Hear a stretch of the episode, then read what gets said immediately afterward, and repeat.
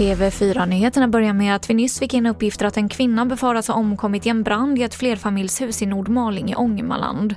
Räddningstjänsten var snabbt på plats men kunde inte hindra det övertända huset från att brinna ner.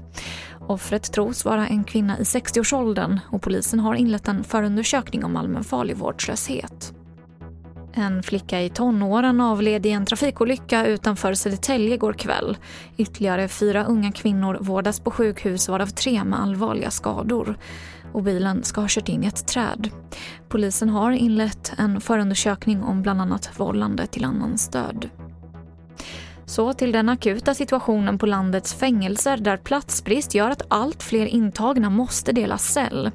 I juni fanns 633 sådana så kallade beredskapsplatser och det här är en fyrdubbling på bara två år.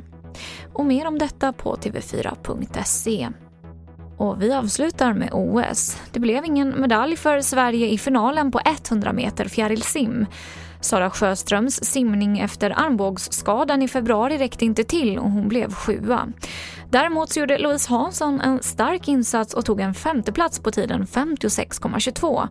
Och det är personligt rekord med en halv sekund.